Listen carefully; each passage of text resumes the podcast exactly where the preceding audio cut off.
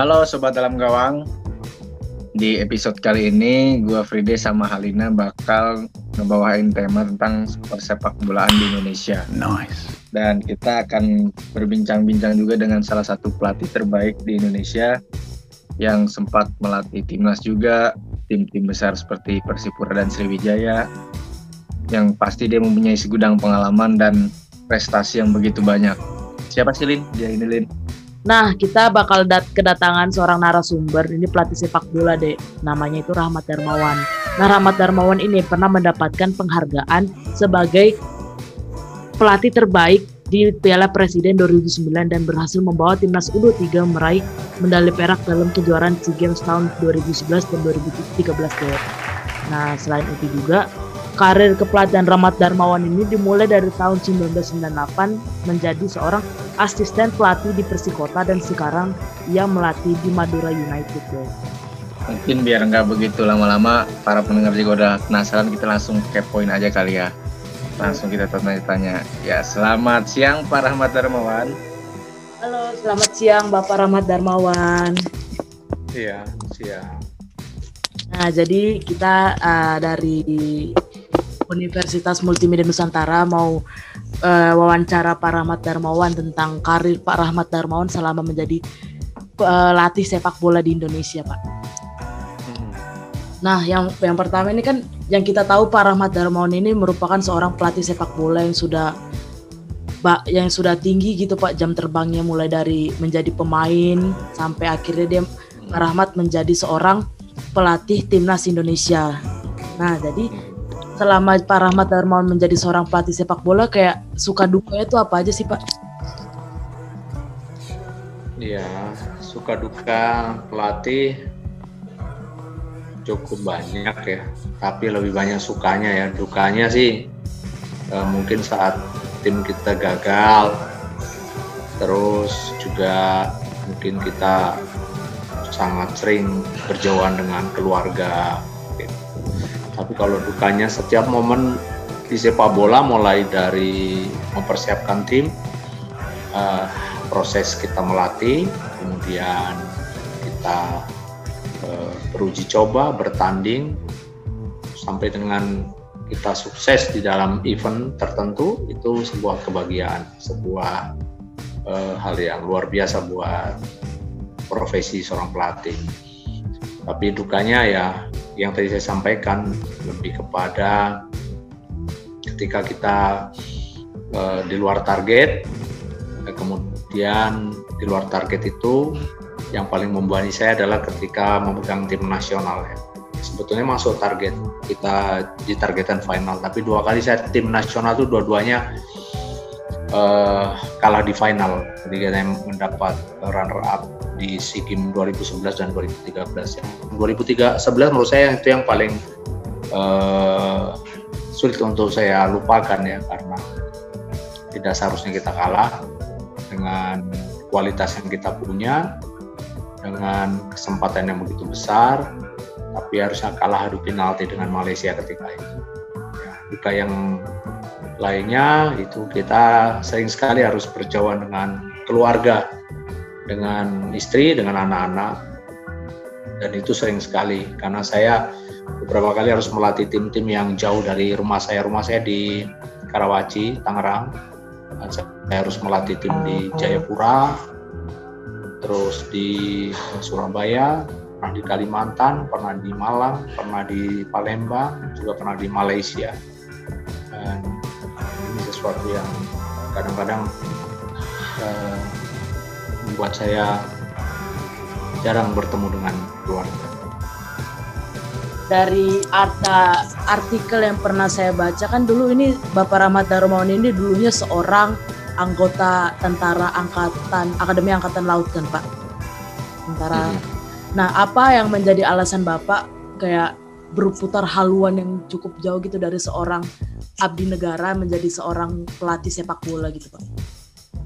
Yes, kalau ini prosesnya panjang, jadi saya lebih bagus mungkin saya cerita dari awal ya supaya nanti apa yang kurang di, di apa dibuat satu pertanyaan lagi. Jadi saya memulai karir itu sebagai seorang pemain sepak bola dari Lampung.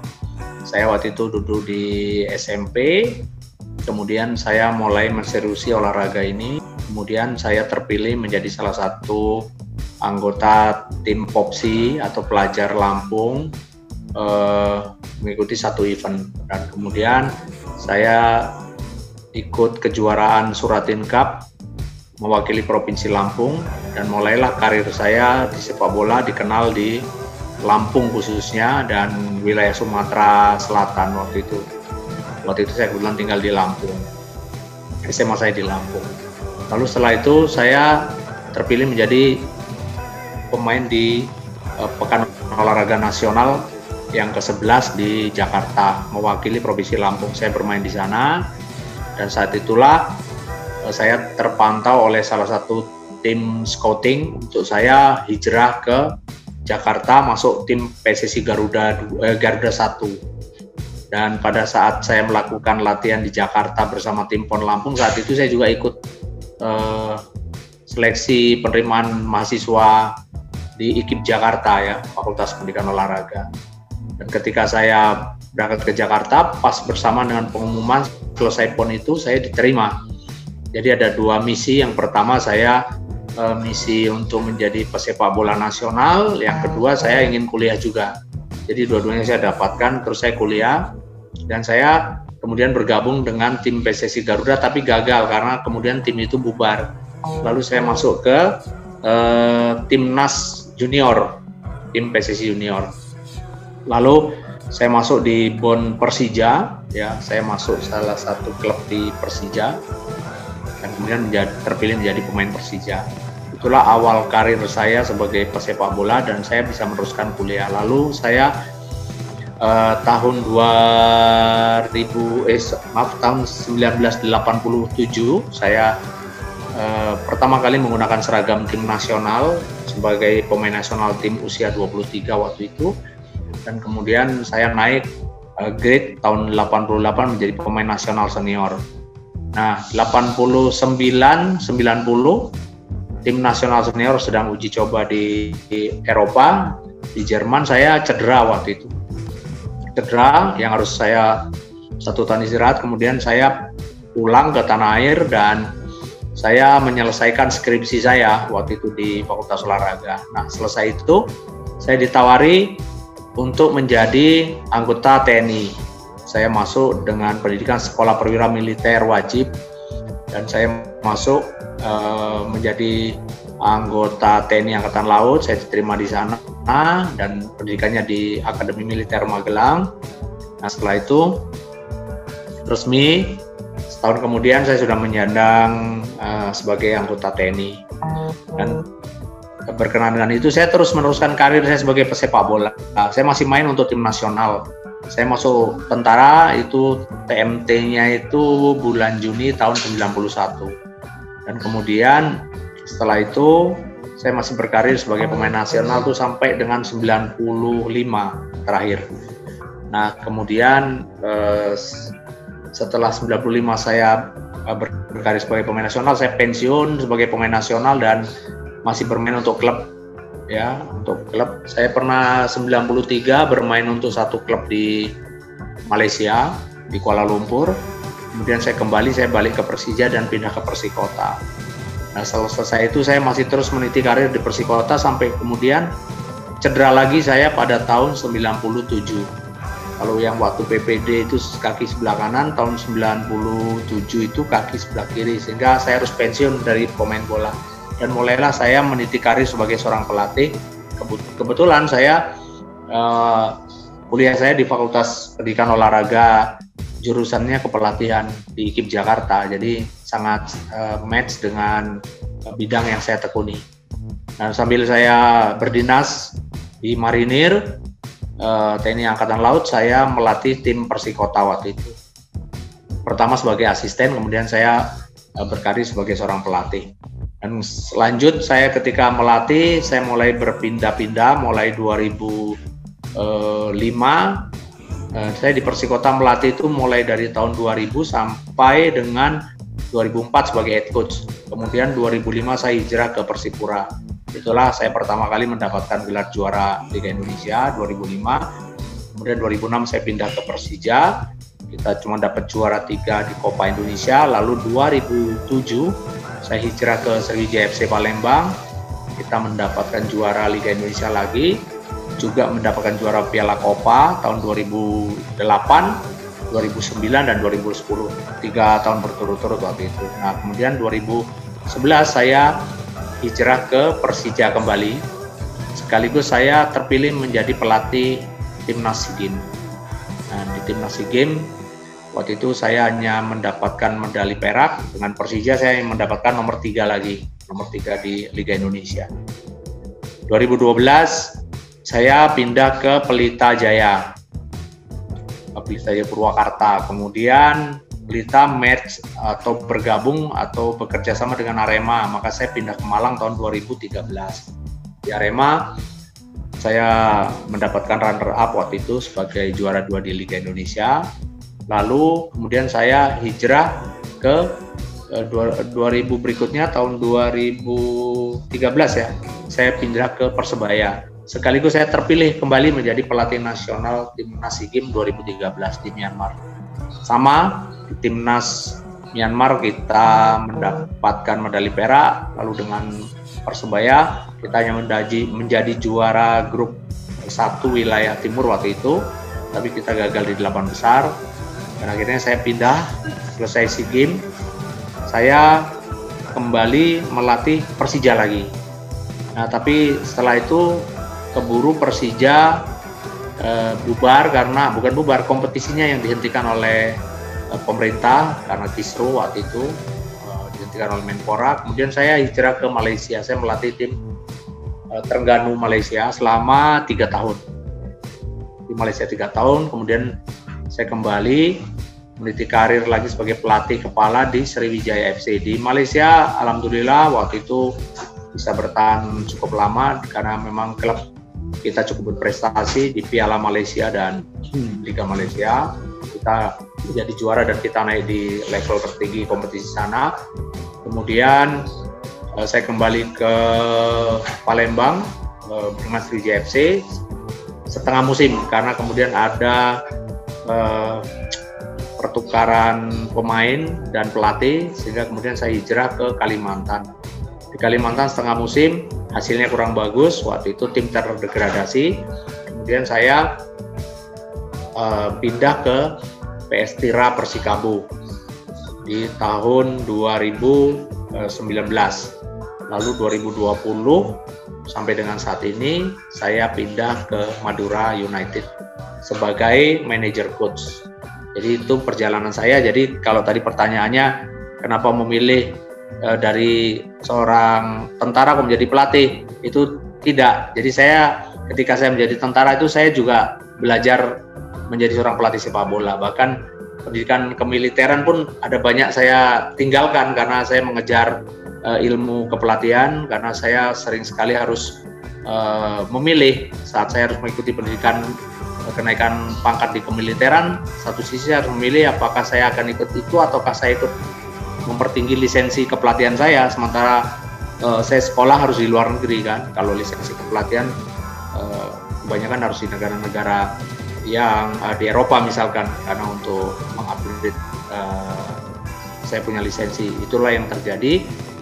Uh, sehingga kemudian uh, pada tahun 2017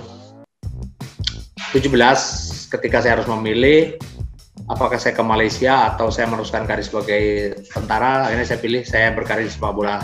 Sehingga karir kemiliteran saya selama 23 tahun saya mengambil pensiun dini nah saya ambil pensiun dini dengan pangkat terakhir saya mayor dan sampai dengan hari ini saya fokus ke sepak bola itu ceritanya kan kayak yang tadi Pak Rahmat bilang kayak mulai melatih itu dari data yang saya dapat itu dari tahun 1998 sampai tahun 2000. Nah sebenarnya saya kayak lebih penasaran yeah. sih Pak kayak kalau misalnya pelatih itu pindah-pindah klub itu emang dianjurkan dari klub tersebut atau emang cari-cari sendiri apa kayak ditawarin gitu pak kayak misalnya klub Persija kayak hmm. nawarin bapak pak mau nggak jadi pelatih tim Persija segala macam gitu apa apa gimana saya hmm. penasaran hmm. sih pak kayak gitu Ya ya, seorang pelatih profesional. Saya 98 sebetulnya memang sudah mengalami uh, apa mengawali melatih ya. Bahkan 97 sudah belajar melatih, tapi melatih klub-klub uh, amatir ya seperti PSAL begitu, PS mahasiswa. Saya belajar PS Bank Indonesia, tapi yang 98 itu pure karir sebagai pelatih di klub profesional di Persikota. Saya pertama sebagai asisten tuh dua tahun, lalu 2000 saya head coach. Nah, eh, kemudian saya pindah. Setiap perpindahan itu biasanya terjadi uh, kesepakatan antara saya dengan klub. Uh, misalkan, oke, okay, uh, saya dengan uh, Persikota sudah terlalu lama. Saya dengan karir saya sebagai pemain sampai dengan pelatih ada 8 tahun di sana. Sehingga saya pikir saya butuh uh, suasana lain, suasana berbeda untuk saya bisa merefresh uh, lagi kemampuan saya, kemudian adaptasi saya sebagai pelatih untuk bekal saya nanti sehingga kemudian saya menerima tawaran dari Persipura. Jadi Persipura membutuhkan pelatih, kemudian saya lewat manajer saya mengajukan penawaran untuk bisa melatih dan kemudian mereka setuju. Lalu sama proses perpindahan saya dari satu klub ke klub lain itu selalu diawali dari dua hal. Kita menawarkan diri atau kita ditawari. Tapi e, sampai dengan hari ini lebih banyak saya ditawari. Jadi saya ditawarkan untuk berpindah biasanya alasan pindah itu macam-macam. Yang pertama, biasanya soal keluarga, bisa lebih dekat dengan keluarga. Yang kedua, itu biasanya soal kesamaan visi. Artinya ada satu target atau sasaran yang sama-sama kita ingin capai. Yang ketiga itu soal finansial. Jadi ada tiga faktor itu yang selalu mendasari seorang pelatih uh, pindah. Nah, terus kayak kan Bapak Rahmat Darmawan ini kayak udah banyak ngelatih klub-klub sepak bola di Indonesia kayak klub paling menantang gitu pak klub yang paling yeah. menantang buat saya Persipura kenapa karena pertama eh, tidak hanya jauhnya saja dari eh, saya dan keluarga tapi Persipura ketika saya masuk mereka sebuah klub profesional tapi masih sangat eh, maaf waktu itu ketika saya datang itu masih sangat amatir di dalam uh, hal yang berkaitan dengan infrastruktur ya. Uh, contoh uh, belum adanya kelengkapan latihan yang memadai sehingga kemudian saya harus mencari perlengkapan itu di Jakarta. Ketika saya pulang ke Jakarta saya beli, kemudian saya bawa ke sana. Kemudian saya harus menyiapkan beberapa perlengkapan atau peralatan yang kurang di sana dan sebagainya.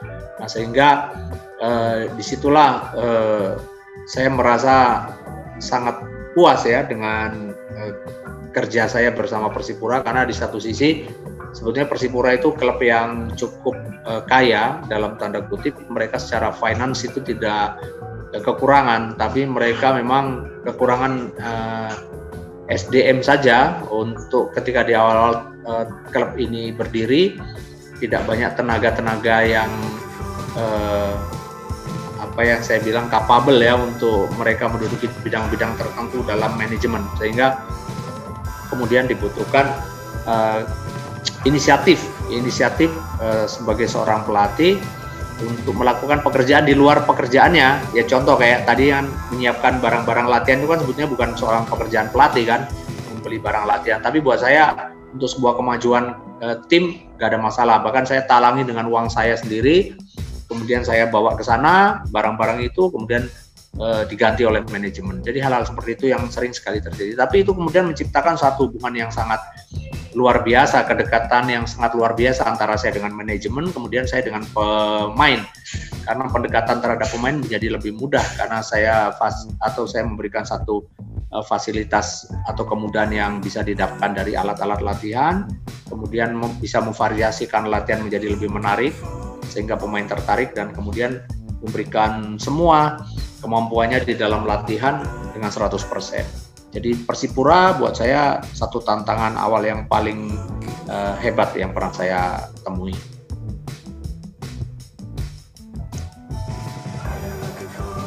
Oh baik Pak. Terus itu kan tadi kan uh, Bapak bilang waktu di Persipura kan jauh dari keluarga segala macam kesulitannya. Nah Uh, terus tanggapan keluarga sendiri bagaimana? Bagaimana bapak untuk menge, mengelola komunikasi dan keluarga? Iya, ya. gitu pak, betul. Baik, jadi uh, saya waktu itu kebetulan anak saya masih sekolah di Karawaci dan istri saya juga waktu itu juga masih bekerja ya di Tangerang dan uh, saya menyiasatinya adalah ketika kita melakukan uh, tour game ya kita away misalkan di Jawa nah itulah kesempatan saya janjian dengan keluarga untuk ketemu di Surabaya misalkan atau ketemu di tempat lain atau di kota lain dan momen-momen itu yang saya maksimalkan untuk saya bisa ketemu. Kemudian setelah pertandingan selesai di Jawa atau di daerah yang uh, apa namanya yang tidak terlalu jauh dari rumah, saya sempatkan untuk pulang satu hari karena selalu biasanya setelah pertandingan itu ada libur kan, liburnya itu satu atau dua hari. Sehingga saya pulang dulu ke rumah, satu hari di rumah, besoknya saya berangkat lagi ke Papua. Itu rutin sekali saya lakukan. Ya resikonya memang akhirnya capek sekali karena penerbangan ke Papua dulu nggak seperti sekarang. Sekarang ada direct flight yang hanya 5 jam atau 6 jam sudah sampai. Kalau dulu kita harus dua kali flight itu transitnya benar-benar satu malam berangkat e, malam nyampe nya pagi jadi e, capek memang iya tapi itu tadi saya katakan karena profesi ini juga sekaligus e, pekerjaan saya apa sorry hobi ini sekaligus profesi saya sehingga saya dapat passion itu saya dapat menikmati uh, di Persipura kan bapak me, pertama kali menjuarai liga itu kan uh, piala. Hmm. Nah, uh, ada nggak sih maksudnya metode pelatihan yang uh, coach uh, tiru dari luar atau memang semuanya coach uh, berlatih sendiri uh, untuk uh, metode pelatihannya itu sendiri? Ya, yang pasti uh, saya belajar ya. Saya kebetulan 2004 itu saya ngambil internasional uh, coaching course itu di Jerman. Itu pas saya pulang dari Jerman saya mendapat tawaran ke Persipura sehingga mudah sekali saya mengaplikasikan ilmu saya ketika itu dengan uh, kualitas para pemain-pemain Persipura yang sangat tepat waktu itu. Nah, sehingga jalan dengan lancar. Tapi di dalam perjalanan tentu sebagai pelatih kita tidak hanya terkungkung kepada metode latihan-latihan yang kita dapatkan dari course, tapi kita juga harus bisa berinovasi, kita menciptakan ruang-ruang yang bisa dan tidak bisa kita buat untuk sebuah tim. Kita harus beradaptasi dan menyesuaikan dengan kondisi. Dan itu yang eh, selama ini juga saya lakukan dengan kesebelasan mana pun. Jadi Uh, juga saya mendapatkan pengalaman-pengalaman pribadi ketika sebagai pesepak bola bagaimana kerasnya dulu latihan oleh Anatoly Polusin uh, pelatih kita asal Rusia ya. Kita latihan harus sehari tiga kali. Uh, lalu uh, saya harus berlatih juga dengan Ivan Toplak. Ivan Toplak itu adalah pelatih hebat ketika dia menjadi pelatih nasional Meksiko di Piala Dunia 86 belum lagi ketika disari dari hal-hal yang bisa kita uh, adopsi, eh, hal-hal uh, yang bisa kita berikan kepada pemain-pemain saya, atau kemudian saya juga membuat inovasi dengan memberikan eh, latihan-latihan uh, atau bentuk latihan tersendiri. Tapi metode kepelatihan saya dari dulu sampai sekarang hampir tidak berubah. Saya orang yang menyukai satu filosofi permainan uh, yang sekarang uh, justru sangat populer, yaitu orang bilang menyebut tiki taka. Jadi kalau dulu orang filosofi uh, position play, jadi itu satu filosofi yang saya anut uh, dominasi penguasaan bola dan uh, itu saya dapatkan kalau itu bukan dari uh, course tapi memang karakteristik uh, dari, dari diri saya yang kemudian saya kembangkan dari course-course yang saya ikuti. Lalu kita mau nanya nih Pak, kayak tanggapan Pak Rahmat Darmawan sebagai pelatih sepak bola terhadap uh, Liga Indonesia yang, yang diundur karena pandemi COVID ini Pak? Ya, yang pasti eh, Liga Indonesia 2020 kemarin praksis tidak terlaksana. Kita hanya tiga pertandingan kemudian berhenti. Ah, itu sangat eh, memukul kita semua ya, eh, karena ada puluhan ribu bahkan ratusan eh, yang langsung terdampak dengan kondisi itu karena tidak hanya pesepak bolanya dan keluarganya saja, tapi di situ ada pedagang asongan, kemudian penonton yang menggantungkan uh, beberapa uh, profesi tambahannya ya dan juga ada beberapa uh, lagi orang-orang yang terlibat secara tidak langsung dengan sepak bola yang yang terdampak. Itu sangat memukul kami dan menyulitkan sampai akhirnya kemarin ada uh, green light untuk kita bisa menggelar turnamen Piala Menpora dan itu buat kami sesuatu yang sangat menyejukkan dan menghibur kami.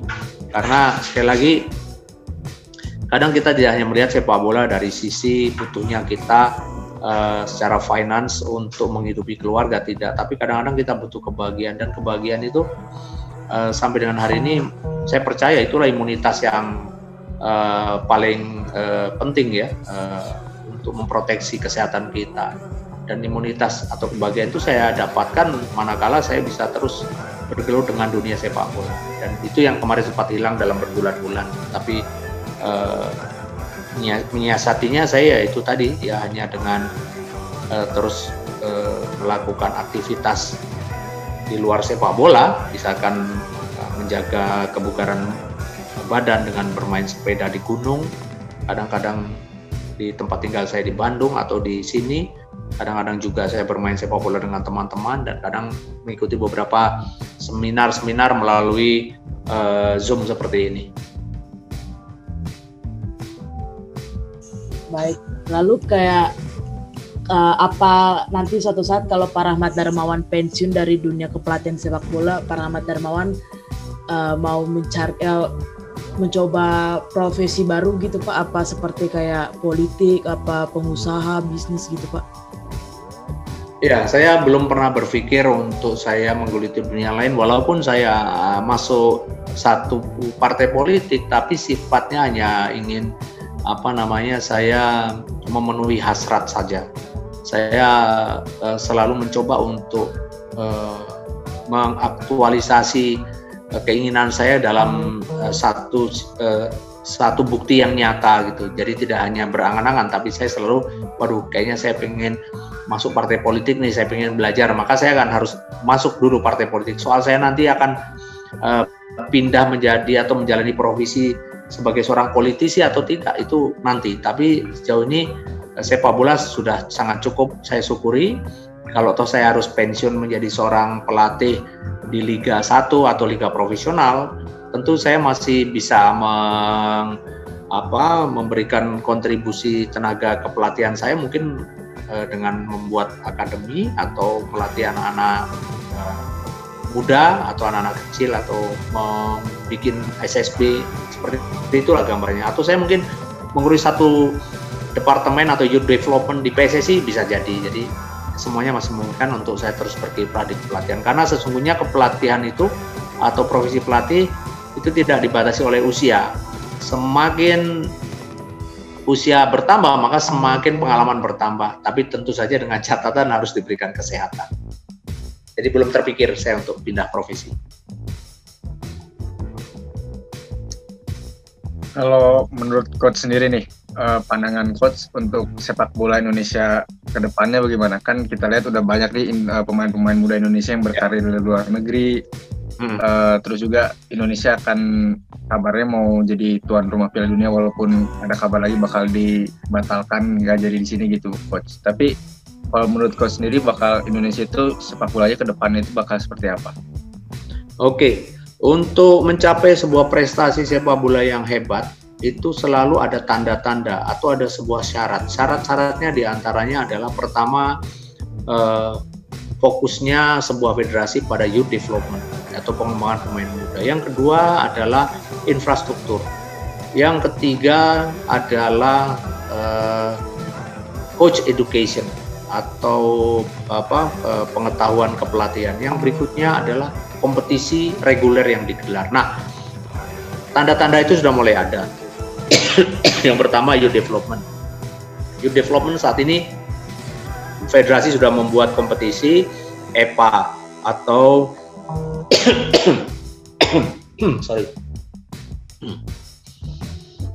Elite Pro Academy. Jadi setiap klub profesional itu wajib mempunyai tim pelapis atau tim muda. Contoh misalkan, oh uh, saya Madura, Madura harus punya uh, pemain atau tim pelapis ada usia 20 tahun ke bawah, ada tim 16 ke bawah, ada 14 ke bawah. Dan itu harus berkompetisi nantinya. sama Persija ada tim usia 20 ke bawah, 18, 16 ke bawah. Mereka harus berkompetisi dan dan inilah artinya ada fokus pada youth development. Kemudian syarat yang kedua tadi kan harus ada kompetisi. Nah, mereka harus berkompetisi nih. Para eh, anak-anak uh, muda ini harus berkompetisi. Berkompetisinya di ajang uh, sesama klub Superliga atau klub Liga 1 atau dengan klub Liga 2 dan ini sudah dibuat walaupun jumlah pertandingannya kurang tapi paling tidak ini satu indikator uh, bahwa ada keinginan yang kuat untuk federasi fokus pada youth development. Ini satu ya. Yang kedua infrastruktur. Kita melihat sekarang terutama di Jakarta luar biasa pembangunan lapangan sepak bola uh, banyak sekali. Kalau sekarang kita ada di lapangan Senayan itu ABC, lapangan Panahan, lapangan Stadion Madia itu semuanya bagus. Kemudian ada di RCC, ada di lapangan Blok S. Hampir semua lapangan di kecamatan di Jakarta itu sekarang semuanya dibangun dengan bagus. Artinya ada pembangunan infrastruktur yang luar biasa. Walaupun belum merata, belum meratanya belum seluruh Indonesia. Hanya beberapa kota yang saya lihat fokus di sana. Ada kota kecil Pati, dia membuat satu lapangan yang sangat luar biasa di sana bagus ada lima lapangan sepak bola dengan komplit ada messing dan sebagainya dan kemudian kita berharap daerah-daerah lain mencontoh lah ya eh, apa yang eh, eh, dilakukan oleh provinsi yang menurut saya patut dicontoh di dalam pembangunan fasilitas olahraga saya lagi dalam pembangunan fasilitas olahraga dan ini satu indikator juga untuk majunya sebuah sepak bola di negara tertentu. Yang berikutnya adalah coaching education ya atau coach education. Sekarang Indonesia dipercaya oleh AFC untuk menyelenggarakan kursus-kursus kepelatihan. Karena kenapa? Karena kualitas pelatih-pelatih Indonesia sekarang eh, nggak lagi diragukan. Mereka punya kemampuan sebagai instruktur untuk eh, membuat kursus lisensi C, B, A. Ya, yang belum hanya pro. Pro masih butuh eh, tenaga instruktur dari FIFA atau dari negara lain. Nah, sementara lagi kita akan mengejar untuk supaya kita bisa. Supaya kenapa? Jumlah pelatih yang ada di Indonesia ini bisa di, di, segera disesuaikan dengan jumlah pesepak bolanya. Kita dihitung kemarin masih kurang lebih dari 100 ribu tenaga pelatih, masih kurang 100 ribu lebih. Ya, kalau dibandingkan dengan Singapura kita kalah. Singapura itu negara kecil dengan maaf klub sepak bolanya pun sangat sedikit penduduk yang suka sepak bolanya sedikit dia punya pelatih pro-nya itu ada jumlahnya sekitar hampir 100 lebih. Sementara Indonesia punya pelatih pro baru 20 orang dengan kondisi yang seperti ini. Itu baru pro license. Kalau A, C, B dan A sudah semakin eh sorry eh, A, C dan B sudah banyak sekali. Sudah banyak. Artinya kenapa? Ada indikasi juga untuk kita uh, membuat program akselerasi mengejar ketertinggalan itu. Artinya uh, ada kemauan untuk maju. Yang terakhir adalah kompetisi yang berkualitas kompetisi berkualitas ya. Sekarang kita terkendala dengan pandemi, tapi kemarin sudah dicoba menggunakan satu format turnamen Piala Menpora dan kita juga tahu bahwa pelatih lokal yang bisa membawa tim Persija menjadi juara. Artinya kenapa? Secara kualitas gak ada kalah pelatih lokal dengan pelatih asing. Nah di situ indikator-indikator itulah yang saya membuat saya optimis bahwa sepak bola kita ke depannya akan bisa uh, terus semakin membaik. Jadi saya yakin ke depannya sepak bola Indonesia akan membaik seiring dengan uh, konsistennya para pengurus federasi dan tidak hanya pengurus federasi dan pemerintah tentunya untuk membantu terselenggaranya empat hal yang tadi saya sampaikan. Youth uh, development, coach education, kompetisi berjenjang, dan kemudian infrastruktur. Lalu kayak pesan-pesan atau harapan Bapak tentang dunia persepak bolaan di Indonesia itu seperti apa? Ya, saya pertama saya ingin uh, terus pemerintah melalui Impres nomor 3 tahun 2019 kemarin sebetulnya sebetulnya sudah membuat sebuah gebrakan dengan membuat uh, uh, instruksi presiden tentang percepatan sepak bola nasional dengan melibatkan 13 kementerian. Uh, tinggal mengimplementasikan itu dengan uh, tepat. Karena contoh yang tadi kesulitan mengenai infrastruktur lapangan itu bisa dikejar dengan impres itu. Kalau pemerintah daerah konsisten melaksanakannya itu mudah sekali. Karena ada instruksi dari presiden langsung dan membawa membawai 13 eh, melibatkan 13 kementerian tentu mudah harusnya uh, koordinasinya nah tapi pelaksanaannya sampai dengan hari tidak yang melaksanakan jujur tidak banyak provinsi yang sudah ya. Tadi saya sebutkan ada beberapa saja. Nah, terus itu bisa dilakukan. Uh, kemudian uh, harapan saya yang berikutnya adalah fokus kepada meneruskan kompetisi usia muda. Jadi tidak hanya asal sekedar menggelar event atau uh, turnamen untuk usia muda, tapi kompetisi. Syarat kompetisi itu adalah sebuah klub harus bermain minimal satu tahun 30 kali. Jadi bagaimana untuk mengejar ke, ke kekurangan itu? Jadi kalau mereka hanya bermain satu tahun uh, hanya lima kali atau 10 kali tentu akan sangat kurang. Yang berikutnya adalah uh, untuk menunjang uh, profesionalitas kompetisi dan kualitas kompetisi, saya menginginkan uh, apa namanya teknologi VAR atau uh, video assistant referee seperti negara-negara Eropa sudah buat itu bisa dikembangkan di Indonesia dan dilaksanakan di Indonesia untuk memberikan edukasi tidak hanya kepada para wasit Uh, tapi juga untuk kepada para pemain, uh, manajer tim, uh, official tim, sekaligus penonton. Penonton harus uh, bisa menilai hal-hal uh, yang benar dan salah sesuai dengan law of the game. Karena banyak sekali penonton yang rusuh kadang-kadang hanya karena sebuah keputusan wasit yang betul tapi tidak diketahui oleh mereka. Nah makanya dengan adanya VAR itu akan membantu mereka untuk uh, belajar bagaimana sih law of the game itu, bagaimana aturan sebuah permainan sepak bola yang benar. Itu harapan saya. Uh, sepertinya cukup aja Pak, itu aja pertanyaannya. Terima kasih sudah membantu kita buat jawab-jawab pertanyaannya. Kalau misalnya ada ya. salah kata atau salah perbuatan, kita semua minta maaf. Terima kasih ya Pak. Sama-sama, Dek. Sama-sama. Sukses ya. Sukses ya selalu. Pak. Ya, Pak. Makasih Pak, sehat selalu Pak. Iya. Selamat sore Pak. Sore. Ya, nggak kerasa nih teman-teman kita udah ada di penghujung podcast.